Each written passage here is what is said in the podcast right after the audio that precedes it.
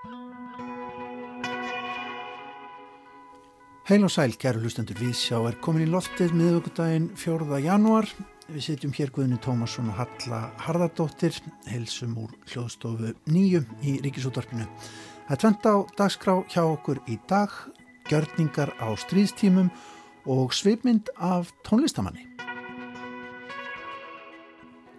Magnús Jóhann Ragnarsson, píjónleikari, tónskáld og upptökustjóri hefur tekið þátt í að semja og útsetja margt af því vinsalasta í íslensku poptónlistasennunni síðustu ár. Hann hefur gefið út þrjár soloplötur, Pronto Without Listening og Skissur og auk þess plötuna Án Tillits í samstarfi við Skúla Sverrisson og tíu íslensk sönglög í samstarfi við GTRN. Þar að ekki hefur hann samið tónlist fyrir leikús og kvikmyndir og leikið inn á fjölmarkar plötur annara listamanna og stýrt upptökum.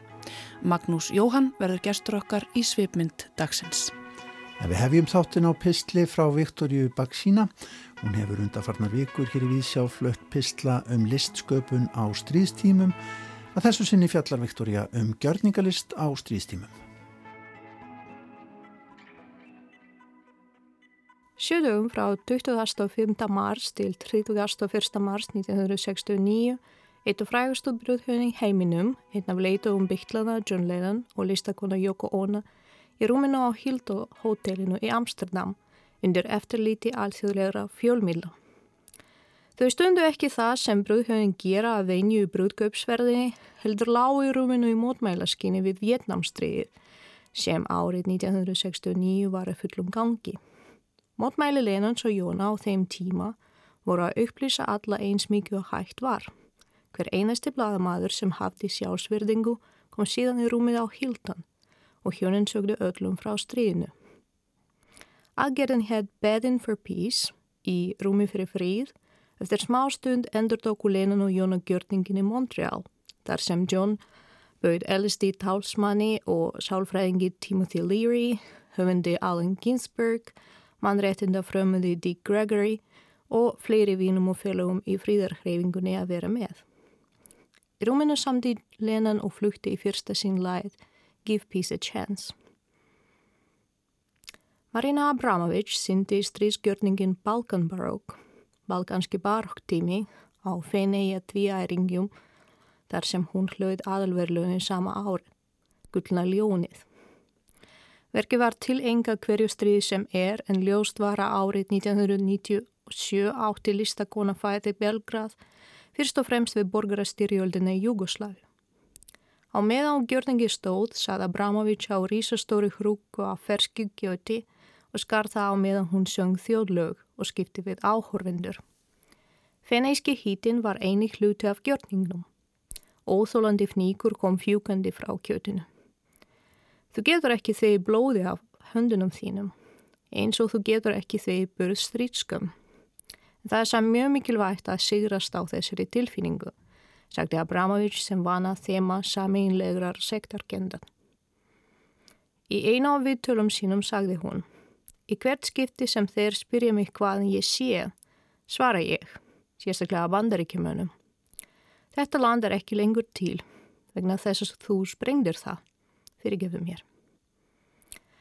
Hvar strístengdur gjörningur á sér stað skiptir máli dag er mjög erfitt að tengja sig við Rúsland en ég er þann og ég vil að íbúar þessa lands gerir sér grein fyrir því að ríki þeirra er að heia raunverulegt árásarstrið sem það að reyna að gera ósynilegt.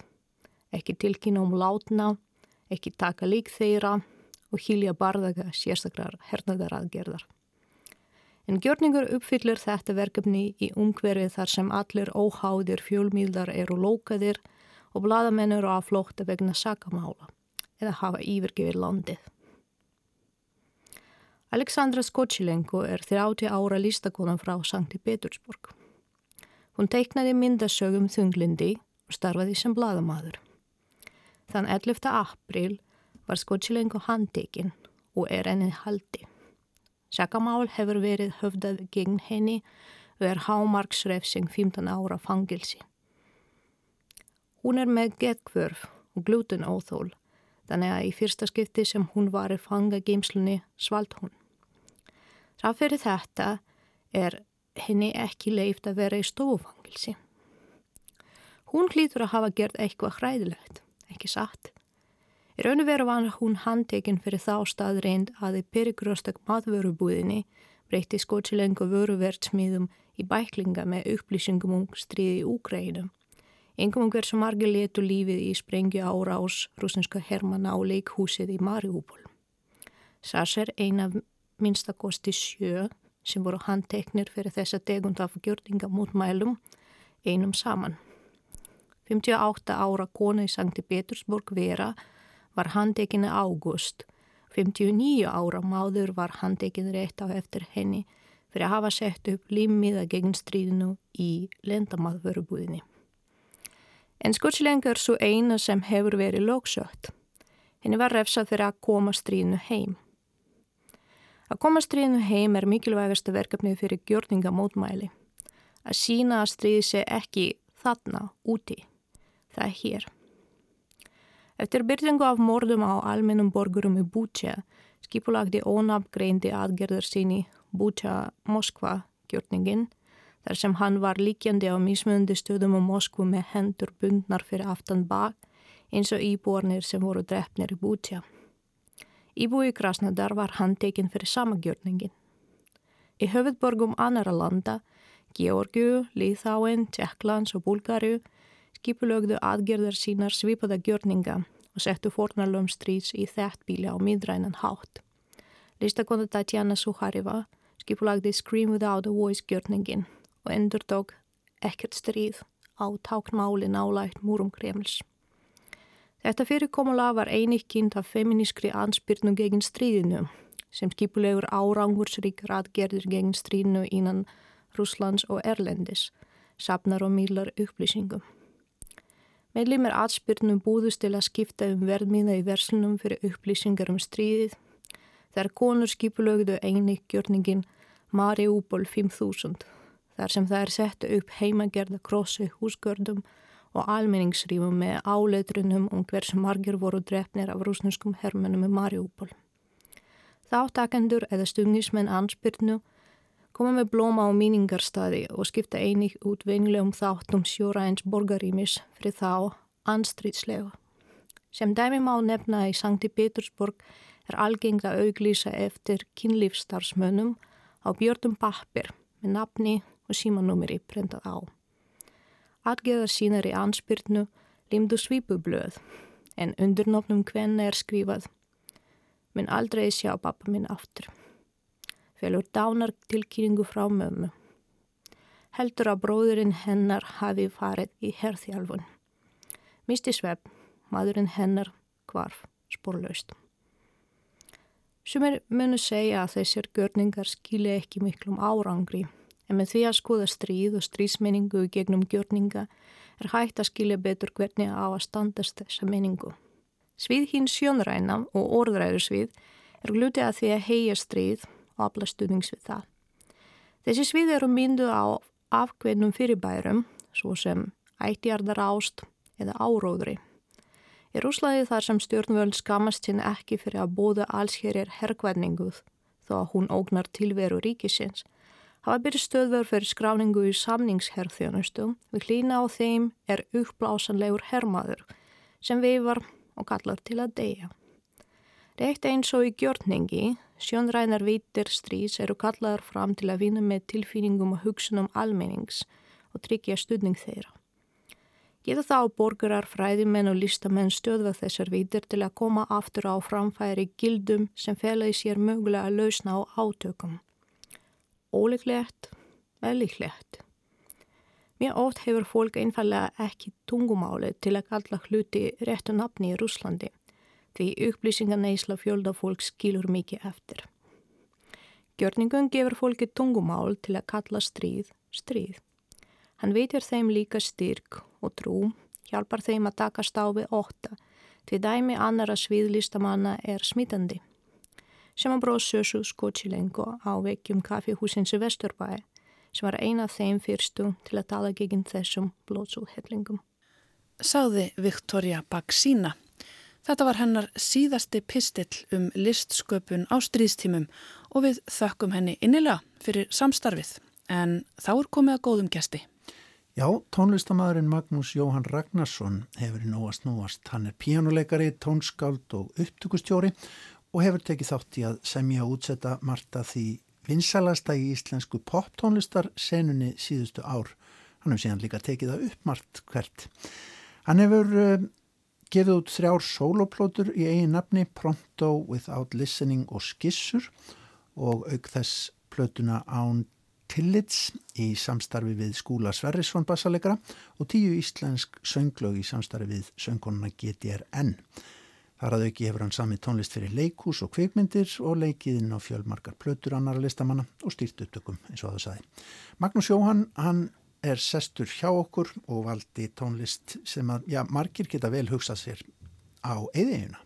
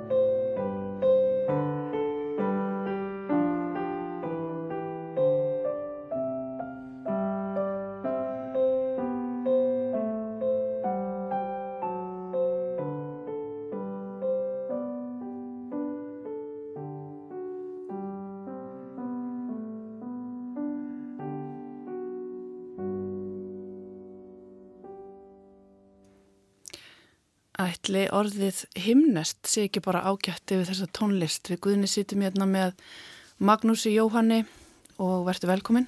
Takk. Jú, ég held að það sé vel tilfundið, sko. Segð okkur nú, já, hvað þetta var og af hverju þú komst með þetta? Þetta er Glenn Gould, eh, kanadíski hérna pianosnillingurinn eh, að spila Goldberg tilbyrjiði Jóhann Sebastian Bach og eh, í svona ef ég mann rétt eh, síðustu upptöku sem að hann gerði áður en hann les Stúdióupptöku Já, síðustu stúdióupptöku 1981 og þetta er til á vídjói líka. Og ég er svona, það er alltaf mjög flókið þegar maður er beður um að finna bara, þú veist, eitthvað lítinn fjölda lögum fyrir eitthvað svona viðtala því mann er langar einhvern veginn að nefna svo margt. En, en þegar ég var að hugsa um þetta í, í sánunni í Vesturbæðalögu gæðir þá komst ég að þeirri niðurstöðu að ég gæti ekki ekki verið með Goldberg Ariuna vegna þess að hún hefur fyllt mér frá eh, bara frá því ég var svo ungur og ég hef hlustað eh, líklega er þessi gæslutiskur og bara ef maður telur öll skiptin á YouTube með myndbandun á hann og spila og allt bara mest spilaða e, það, það, það sem svo músík sem ég hef hlusta hvað oftast á sko. Svo er svona alltaf eiliðar glíma að, að læra að spila tilbriðin sko. Ég kunna Arjuna og, og fyrsta tilbriðið frá því ég var svona 15 16 ára kannski eða eitthvað. En ég er samt ennþá ekki alveg hún er, fyrst, fyrstu tilbriðin eru, eru svolítið trikki sko. Og svo mætti ég, þegar ég var að taka framhaldsprófi í jazzpíónuleik þá mætti ég vopnaður meðal annars fyrstu tilbyrðum og Goldberg Arjunni sko til Snorra Sigfúsar Byrkissonar sem var minn fyrsti píónukennari í gamla dag svo miklu mestari en ég komst ekki einu sinni í gegnum hérna blassuð eitt af Arjunni sko það var allt, það var allt ekki það var allt í ólægi þar sko hjá mér. En, eh, en þetta er jú algjörlega himnesk músík sem hefur haft gífulega mikið láhrif á mig og og svo er kannski líka við endi að spila þetta vegna þess að það var að koma út eða, fyrir bara nokkrum vikum eða mánuðum held ég svona vegleg uh, útgáfa af uh, öllum uh, áteikunum af úr þessari upptökusessjón og svo er svona allavega á Spotify núna er hérna viðtal og svona úrklippur á þessum áteiks við einna pródúserum plötunar þar sem hann er að svona lýsa stemningunni í stúdíóinu og fara í gegnum hérna hvernig Gould nálgæðist þessar setni upptökur þegar hann náttúrulega hljóðrita þetta 1955 líka held ég sem er svona, ég veit að svona pjúristar kannski fíla það er upptökur frekar, sem, það eru frábæra sem slíkar ég, en bara ég er með svona það snertir einhver að tökja þessi 81 útgáfa sko, en það eh, er geggjað stöf fyrir eh, hörðustu nördana að fara að hlusta á þetta og svona heyra hvernig Gould nálgæðist þetta út frá tempói og tengsl tempó að milli arjunar og, og tilbreyðana og eitthvað svona svaðalegu nördaskapur og... Ekki leðilegt fyrir upptökustjóra eins og þeir? Nei, alls ekki það er verið að spila af teipinu á spíkurum inn í stúdíu og bara nei, ekki þetta teik eitthvað og svo er, er hann að, þú veist bánsa inn í teikin svo, svo ég sletti þessum að koma inn í upptökurnar já, koma inn í upptökurnar svona að því að maður er einhvern veginn alltaf með þessu svona glansýmynd af hérna klassísku pianistunum að að spila allt fullkomlega í já. fyrsta teiki hérna, maður andar hérna letar einhvern veginn á auðvitað þurfti hann okkur teik og, og, og kom inn í teikin og klifti hluti saman og svona mm -hmm. En varstu, varstu alin af því að hún nefnir þessa upptöku, frægu upptöku sko varstu alin upp við síkilda tónlist á æskuðamilinu? Já, það má alveg segja það sko. Uh, Am og Afi hlusta mikið á síkilda tónlist og, og mamma er sko með framhaldsprófi í, í hérna klassikum píjónleik þannig að það var svona einna helst mamma og, og, og móður amma mín og afi sem að ólu upp í mér svona klassiska tónlist og það er í rauninni engin jazz að mínu heimili sko fyrir en að ég fer hérna sjálfur út í svona þau hörðu efni þegar ég fyrir að hafa áhuga á, á því. Það var meira svona mjög eftirminnilegt svona e, eftirminnilegt stund í mínu lífi þegar að e, Kristján Sturla hérna góður vinnu minn sem var þá hérna leipinandi í hérna í Árseli í svona nýjönda eða tíundabæk það er að segja frístunda miðstöð síndi mér hérna Oscar Peterson trio C-Jam Blues að spila í köpun og það, hérna, það má segja að það myndband hafi breytt lífið mín bara, hérna, nothing was the same. Þá ertu bara unglingur. Já, en svo er sko pappi er líka mjög mikið upp í mér svona Rolling Stones og Beatlana og, og allt það og, og, og hérna móðubróður minn gaf mér hérna Best of the Doors uh, geisladisk á við komum aldrei og hérna þetta er svona alls konar Eh, en, en, en mamma náttúrulega spilaði hérna mikið á, á, á flílinn heima og gerir. En ég að vísu bý ekki lengur heima um mömmu en, en, en mér skilst á yngri bróðum minnum að hún sé alltaf duglega að æfa sig. Mm. ég var hérna, hún spilaði e, balluðu nummer eitt eftir Chopin í Gemól þegar ég var hérna e, rétt óútkominn hann að 1996 um haustið. Þannig að þú férst hann svona í gegnum magan bara. Já.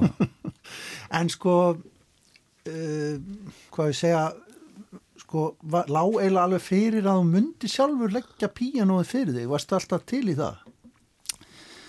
Mm, varstu smá þrjóskur, hvað það var það? Já, sko, ég var hérna, eins og á áðan lærði ég á, á piano hjá Snorra Sigfúsi þegar ég var, ég held ég að byrja þar þegar ég var 7 ára eða eitthvað svo leiðis og var hérna það þurfti reyndar hérna það kræðist mikillar þrjósku af hálfu fólkdrar minna reyndar að, að, að, að sko þar að segja að fá mig til þess að mæta í pianotíman mér fannst það ekki spennandi og leðileg tilvægsun en, en mér var mútað sko, ég fekk svona Lord of the Rings kall í Nexus að, að launum.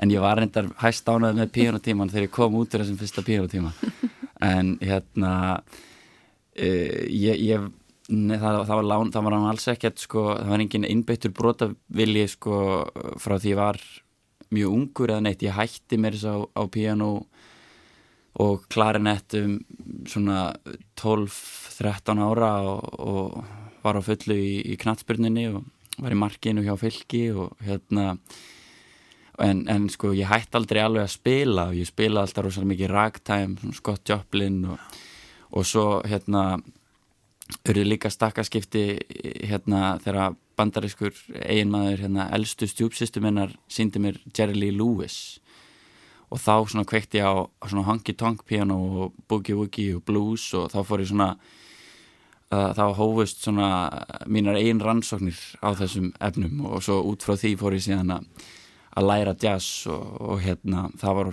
á sama ára og ég byrjaði í, í mentaskóla sko.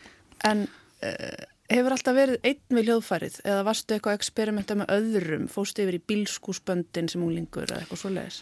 Já, ég var svona aðalega alltaf eitt þanga til einmitt sko að ég byrja í jazznáminu. Þá fer ég í hérna þá, þá byrja ég náttúrulega í svona samspilum og læri helling á því. Og svo var ég í hérna söngleikja hljómsveitunum í, í verslunarskólanum. Og það er svona eiginlega fyrsta hljómsveitu mín það er sko uh, svona stuðmanna coverband sko. Mm. það var með allt á hreinu söngleikur og öðru ári í versló og það múið segja að það hafi hérna verið hátindur ferilsins þegar ég leisti Eithor Gunnarsson af með stuðmunum í ágúst í fyrra sko. Já, komin heim. Já, komin heim sko.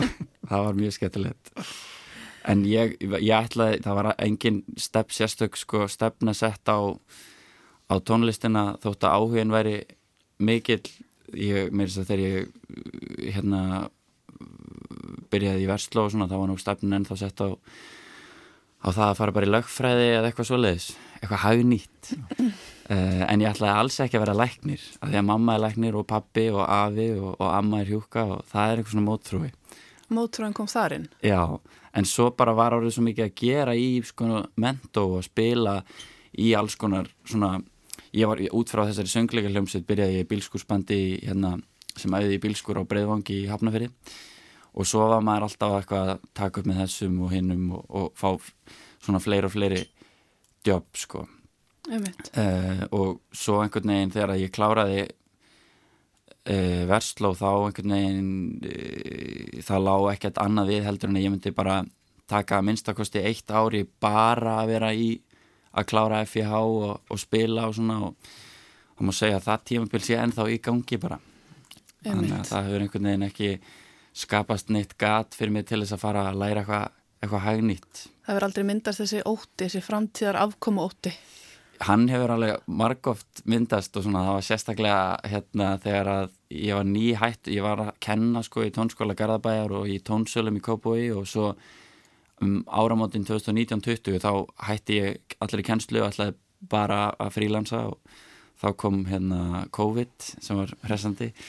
En hérna þá voru ég líka nýbúin að kaupa flíil sem ég ætlaði að borga upp með allum giggunum sem voru í hérna dagatælinu en ég sé reyndar alls ekki eftir því að hafa kæft hennan flíil en, en þetta var svona hressandi skellur.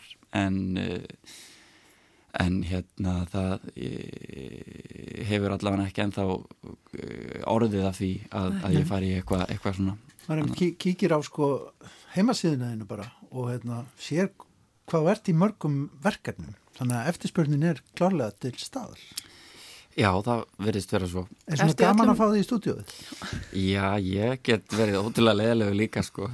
Bara en, hérna, en ég allavega veriðist eða, svona hefur reynd að uh, skapa mér einhverja sérstöðu eða svona maður hérna var alltaf í mitt talandu um bílskúrsbandi sem ég var í góða þá hérna uh, breytist hægt og rólega æfinga aðstæða okkar í, í hérna Sundaborg hann að beinta mútið laugur og spíói yfir í stúdjó sko og þannig að maður var alltaf að sapna hljómborðum og græjum og, og, og, og svo kefti maður einhverja mæka og einhverjar hljóðkort og mónitora og þannig að þetta bara svona vatt einhvern veginn upp á sig þú, allt þetta hljómsveitarbröld og svona ásamt einhverju upptöku braski og svo hérna var maður komin með svo er ég núna í dag með rosa fínt stúdíu og þá er svona fínt að vera búin að vera að sapna þessum eh, hljóðupptöku græfum frá því að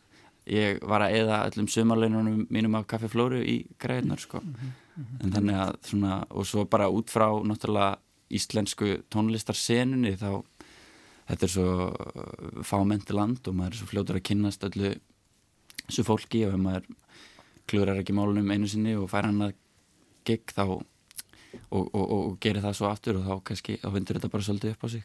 Þetta er náttúrulega alltaf sikkur heimurinn að vera á sviði og svo í hljóðverðinu þetta er, er alltaf önnur lokaðari veröld fyrir okkur tónlistar áhuga fólkið allavega að hérna, vita hvernig hlutinni gerast þarinni Algjörlega uh, Finnst þér þetta gott í bland?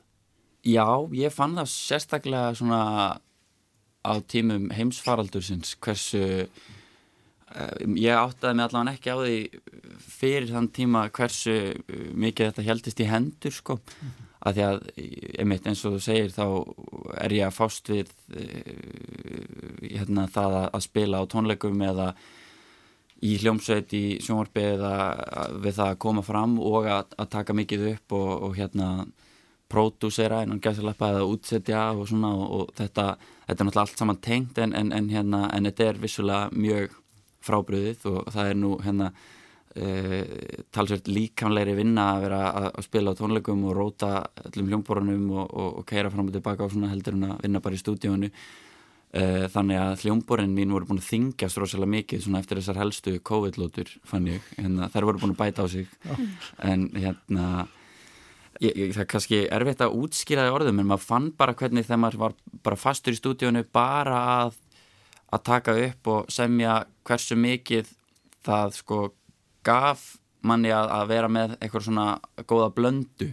Bara þá náttúrulega verður maður ekki svona, hefur augljósa er að maður verður ekki maður verður leiður á fábreytninni að vera bara í stúdíónu alveg eins og maður verður saknar þess að vera í stúdíónu þegar maður er bara að spila þú veist á sumrin og, og svo framvegist þannig að það er svona augljóst að, að, að fjölbreytt fæða er, er, er, er góð eh, en En, en svo líka bara svona eh, fann maður það í gegnum eh, þessi endalessu streymi og allt þetta hversu mik miklu málið það skiptir að deila með öðru fólki að spila á tónleikum og að sé fólk mætt að hlusta og það sé einhver tenging þarna á milli og, og það er oft kannski sérstaklega í dag á digitalöldinni er, er, er svona erfitt stundum að átta sig á því hvort það sé raunverulega einhver að hlusta maður er bara að gefa út músik einhvern veginn út í eitthvað tóm svona, finnst manni stundum svona þegar maður er að dundra út á, á, á hérna Spotify og mm. á mhm. netinu og svona og þá, þá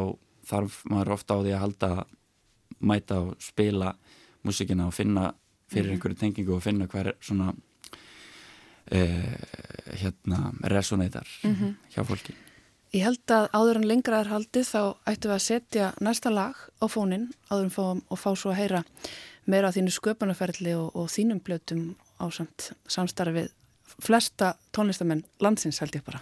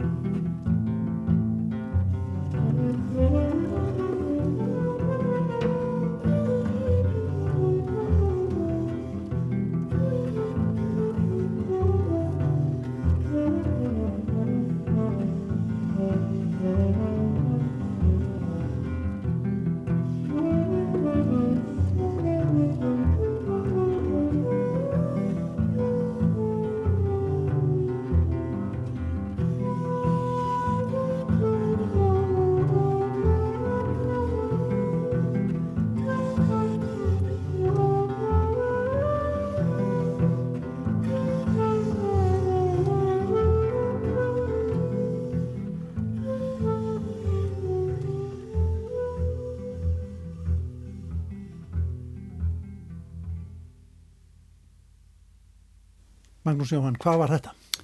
Þetta var lagi Fragments með skúlasverði sinni, bassalegara og Óskari Guðjón sinni, saxofónleikara og þetta er eitt af mínum uppáhaldslögum af e, minni uppáhaldsplötu.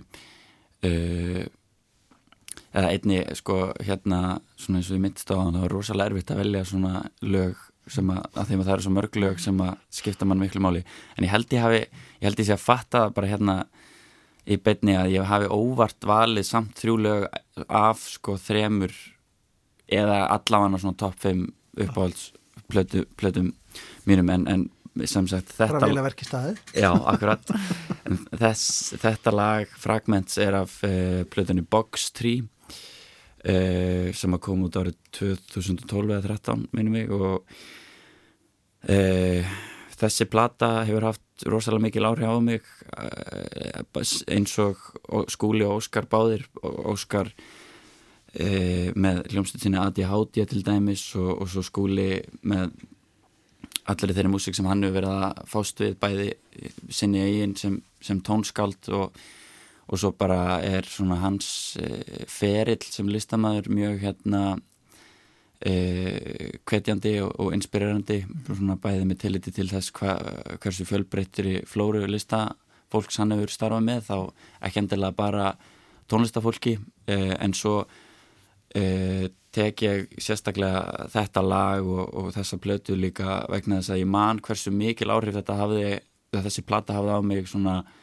sem tónskáld þegar ég, að ég dýrkaði blötuna að hlustað endalaust og bara soundið og, og svo setna mér eins og ég komst að því gegnum samtölu við skúla þá svona einhvern veginn, það er svo góð kjörnun á okkur konsepti á þessari blötu að þetta er eitt eða tvö kvöld í ef ég mann eitt langkóldskirkju uh, tvö hljóðfæri, tveir flytjandur lög aðalega eftir skúla og það er eitthvað svona það verður svo, svona fókuserað og, og, og hérna eimað svona sound á plötunni finnst mér svona góð kjörnun og, og svo þegar ég fór að að hérna pikka upp þessi lög sem ég hef lustað svo ofta á, á, á hérna á, á pianói þá svona kom ymslegt í ljós sem ég hef ekkert endilega pælt í áður, bæði hvað var það bara svona hljómkvörf og nótnaval og svona struktúrin á lögunum og, og með skúli sérstaklega hafa svona mjög skýrt eh, skýran svona hljóm sem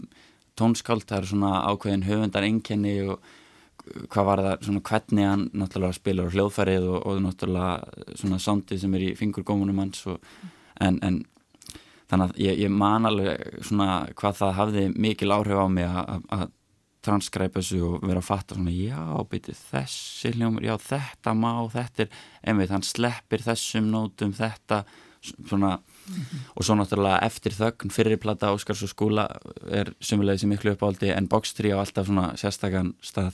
Svo voru þess, svo gerðu þið plötu saman, þú og skúli Já. Í, hvað heiti fyrra? E... Það var það, já, 2021 Akkurat. Það heiti fyrra Já, 2021, hérna við hljóðröðum hana með þess að held ég april 2020 það hérna það má svona segja að rætur þessi akkurat aðdáðan mín á, á honum og þessi á þessari plötu en ég sem sagt ringdi í skúla þarna fyrir síðasta ári mitt í, í FIH og spurði hvort að það væri hægt að, að þegar maður gæti sko skipt enga tímanum sínum svona á milli einhverja kennara þannig að ég hafði samband í skúla og, og, og hann var til í að vera með mig í engakenslu hjá sér bara svona tónsmiða miðað og, og það var algjörlega dásanlegt þá fekk ég að kynast skúla og hérna hann opnaði á rosalega margt hérna fyrir mér bara var að sína mér alls konar músík og maður hérna lappaði oft út úr tímunum einhvern veginn með svona búnt af einhverjum sjálfgæðum geisladiskum úr, úr mengi. Og hérna ég man svona sérstaklega eftir í það breyti að okkur við tölum gerðan um einhver svona margar af þessum plötum sem maður heldur svona mikið upp á að verðast eiga það samílegt að það er einhver svona góð kjörnun eða svona viljandi þú veit bara eins og þú málar góða mynd á þá tekur afstöð til þess að mála alls ekki með rauðum eða, eða alfærið í rauðu eða þú ert róðgó eða eitthvað. En e, þannig að einn besta kjörnun á því konsepti sem að ég hef heyrt er platan Plus Minus með Ryoji Ikeda. Og ég man svo vel eftir því að hann var að segja mér frá þessum japanska tónlistamanni sem er líka myndlistamæður með svona stórar e, installasjónir í, í listasöfnum út um allt hljóð og mynd og alls konar. Og ég fekk geisladiskinn Plus Minus með mér út í bíl og, og þar er verið að vinna bara með há og látíðnir þannig að þetta er bara svona mm. síkvensaður djúpur bassi og ofbáslega há hérna svona há pits, ofbáslega skerandi ofbáslega óþægilegt og einhver svona næs en það er eitthvað við þetta sem að er eitthvað algjörlega brjálað ég, ég, það, svona, það hafði mjög mikil áhrif á mig að hlusta á þetta af því að þetta er svo ofbáslega skýrt og svona einhvern veginn einfalt og tært þetta er svona svaka eins og eins og japansk matagerð eða eitthvað en mm -hmm. svona en já, þannig að út frá þessum tímum þá svona spratt eh, upp svo hugmynd að, ég, að við myndum kannski gera eitthvað verkefni og taka upp einhverja músík og ég hef búin að vera að semja einhver lög svona með það í huga að við myndum spila þau saman og og já, þannig að við enduðum í stúdíu þannig að sne, snemma árs 2020 og það var það þessari hljómblödu án tillits mm -hmm. Þú nefnir hérna nokkra myndlistamenn og, og matagerð og svona ýmislegt. Mér langaði að spyrja það eins kannski bara út í áhrifavalda, ekki kannski endilega tónlistarmenn heldur bara hvað þú sækir þér innblástur svona yfir höfuð? Emmitt, það er svona ég nú oft svona sagt það því ég er á þeirri skoðan að svona áhrifin og innblásturinn getur komið uh, bara frá hverju sem er finnst mér, eh, bara það að hlusta útvarpið eða sjá þetta er náttúrulega svona svakaleg kleisja sko en hérna bara litinir í, í heimninum eða hérna eða það að fara í gangutúri eða getur kveikt á einhverju svo lengi sem að maður er einhvern veginn móttækilegur fyrir því. En að því sögðu þá náttúrulega eh, reyni ég, ég nú ég nú engin lestrar herstur en ég reynir samt að hérna að lesa svolítið og, og það er svona alls konar bókmyndir og, og góðir textar eða viðtöl við fólk sem er áhugavert kveikja ofta á ymsu og ég er rosalega duglegur einhvern veginn að grýpa einhver orð sem er skemmtilega eða eitthvað og ég henda þessu í skjál í símanum og oft, oft verða það þau orðað kannski í lagatillum eða, eða hugmyndum að, að einhverju, ymsu, einhver, einhverju alls konar eh, ég, ég sömulegis Ég, já, ég hef mjög mikið áhuga á matargerð sem við leiðist, finnst mjög, mjög gaman að elda og svona læra að hérna að beistla einhvern veginn eldhúsið og, og svona að, að fatta hvað er í gangi. Og mér finnst það að vera eitthvað svolítið náskilt tónlistarsköpun að, að elda og svona og það virðist vera allavega mjög margir músikantar í kringum mig eru miklir áhuga mennum hérna um eldhúsið. Uh, en þannig að svo, svo eh, akkurat núna er e, þegar ég opna hérna, TikTok sem að gerist stundum því miður og festist inn í því svartúli þá er það orðið svo skuggalega sérhæft. Það er bara svona eitthvað svona tónlistar snild og eitthvað svona pródúserar eða eitthvað svona grínum eitthvað Apex Twin eða sushi. Eða sushi eða eitthvað svona ítalskur kokkur að gera einhverja snilt og í gerðkvöldi var ég búin að fá svo mörg svona matargerðarvídeó og ég var orðin svo svangur og þetta voru alveg ræðilegt en, en, en ég hef líka rosalega náhuga á hérna fortíðinni, þá má segja að ég sé alveg svona illahaldin af einhverju nostalgískri þrá fyrir 20 stöldinni og, og ég man og viðtali á þér um daginn hallega var ég að tala um æfisugur sem ég hef búin að vera að lesa og æfisugur langaða míns og hérna þannig að það hefur ofta rosalega mikil áhrif á mig og, og svona vera að pæla í í, í fortíðinni og, og myndlist sömulegis, mér finnst opustlega gaman að hérna e, ég fylgist mikið með íslensku myndlistarsinnunni og reyna að vera duglegar að fara á söfn og í mm útlendum og, og svona og finn samíla þræði í þessu öllu saman.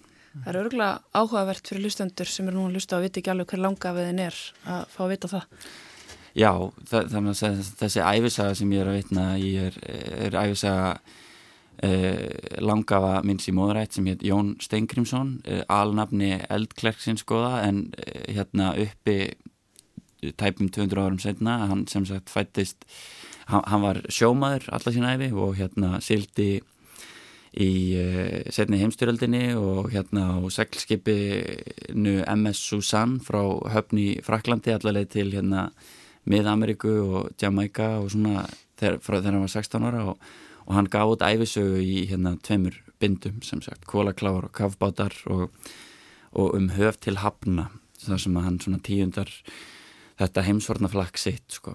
en það er gaman að segja frá því að pappi hans eða langa langaðu minn, Stengirmur Mattiasson hann var sömulegis mikill heimsvornaflakkari og, og leknir og yfirleknir og sjúkrausin og akureyri í Spænsku vikinni og svona en hann var hérna samkvæmt vísindavefnum hérna fyrsti Íslandingurinn sem vitað er að hafi farið til Japan sko mm. það er 1904 með hérna kólaskipi frá Breitlandi sem skipsleiknir mm. og hann Yllu Jökulsson hefur verið að lesa upp úr hérna ferðardagbókum Stengirins Mattíassonar í frálsum höndum það er rosalega skemmtilegt. Merkilegt. Og pappi hans var síðan Jokkumsson Mattías Jokkumsson, já, passar. Svo við förum nú alveg langt aftur í allt Akkurat, mm. en það er endar sko þessi Jón Stengriðsson langaða minn var nú alltaf sko hérna er ekki mikið talað um eh, Nepo Babies í Jú, dag? Jú, ég ætla að segja það, má sannlega segja að þú sért kultúrbarn Já, þetta er það Langt aftur í aldir En þessi Jón Stengriðsson sko langaði náttúrulega sko afi hans er Mattías Jokkumsson og svo langaði hans Jón Tóratsen en samt var hann ekkert skáld en hann skrifaði þessa góða efsug mm -hmm. Sko við höfum kannski ekkit, ég veit þú ert með margt á prónunum, það er langu listi tónlistamanna sem þú hefur unni með gegnum árin og þó að ekki séu þenni sérstaklega mörg og þú ert ungur aðaldri eh, Þú búin að gefa þrjár soloplutur líklega með fleiri í smíðum eða hvað? Já, ég hérna ég var að skrifa þetta samning við svona nýja bandaríska útgáfi sem að hérna ætlar að gefa út nýja soloplötu á þessu ári sem að heitir eh, Robnar sem er svona uh, að megninu til músik sem ég samti fyrir hérna leikrið í borgarleikusinu eftir Tyrfing Tyrfingsson sem heitir Helgi Þór Robnar þannig að þetta er nú orðið svona þetta er músik frá 2019-20 svona að megninu til með svona smá viðbætum. Uh, en þannig að það er búið að vera lengi hérna í skúfinni þessi músik er búin að vera lengi í skúfinni og ég hlakka til að koma því út í kosmosin en svo hérna er maður alltaf, jú, eitthvað að, hérna, að bardusa við Óskar Guðjónsson höfum svona verið að hittast í laumi, eða kannski ekkit í laumi þegar maður tilkynir það í, í útvarpi mm. á fymtudöfum fyrir hátegi í, í nokkra mánuði að reyna hérna, að búa til nýja músik og þannig að aldrei vita hvort okkur takist það á þessu öri Við ætlum að fara að lokum í hraðaspurningar að það ekki halla fyrir gest okkar Jú, þessu sinni hinnar æsi spennandi próstspurningar. Æsi spennandi Ertu til í þetta Magnús? Ég er spenntur. Og ég komi fyrstu. Kontu með þér. Hvar, talandum heimsortna flakk Þetta á velvið hérna fyrsta spurningin Hvar myndir þú búa ef ekki hér á landi? Mér líður alltaf rosalega vel í London sko. Mér finnst það svona uh, mjög skemmtileg hérna, skemmtileg borg. Uh, Gott svar, þetta er hraðaspurningar. Já, já, þetta er hraðaspurningar Yes Hvaða digð kanntu helst að meta í farifúls? Þessi er góð uh, heiðarleika mm -hmm. Og hver er uppáhalds sögupersonan þín? Um, verði ég ekki bara að segja Gandalfur Já, ljómandi góð svör já. Magnús Jóhann Ragnarsson, píjónuleikari tónskáld, upptökustjóri og já, allt mögulegt uh, Takk fyrir komina í vísa. Við ætlum að setja á síðasta lægið á fónin. Akkurat. Og þú ætla kannski bara að segja okkur hvað þetta er sem við setjum á fónin. Já, þetta er hérna lægið uh, Ubi eða Ubi, hérna, ég er nú ekki alveg viss hvernig maður á að bera þetta fram en eftir japanska uh, tónskvöldið Ryuichi Sakamoto það nú önnur svona fígúra sem er, hefur haft mjög mikil áhrif á, á mig bara svona hvað var það hans feril og og já, það, ég geti tala lengi og mikið um hann en, en svona þessi plata sérstaklega Eysing er svona eina mínum allra uppáhalds bæði út frá svona saminginu sem hún er búin til og hérna e, svona krabbaminsgreiningunni sem hann stóð frammi fyrir á, á þeim tíma.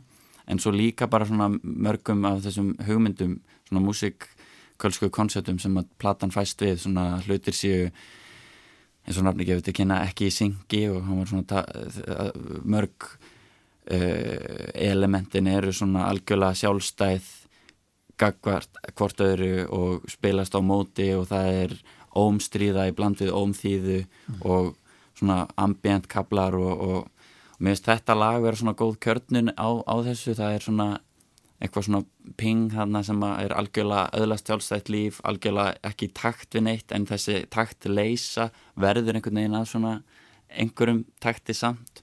Og svo er svona mjög fallegt einfalt píjónulag í bland og svo koma svona einhver, einhverjir mjög ómstríðir svona klöster, orgelhjómar og allt saman og þetta er svona kjarnar ágæðlega plötunum finnst mér. Mm. Takk fyrir að koma í viðsjá Magnús Jóhann. Takk fyrir mig Og að þessu lagi endum við Guðni þáttinn í dag. Takk fyrir samfélgina og verið sæl. Verið sæl.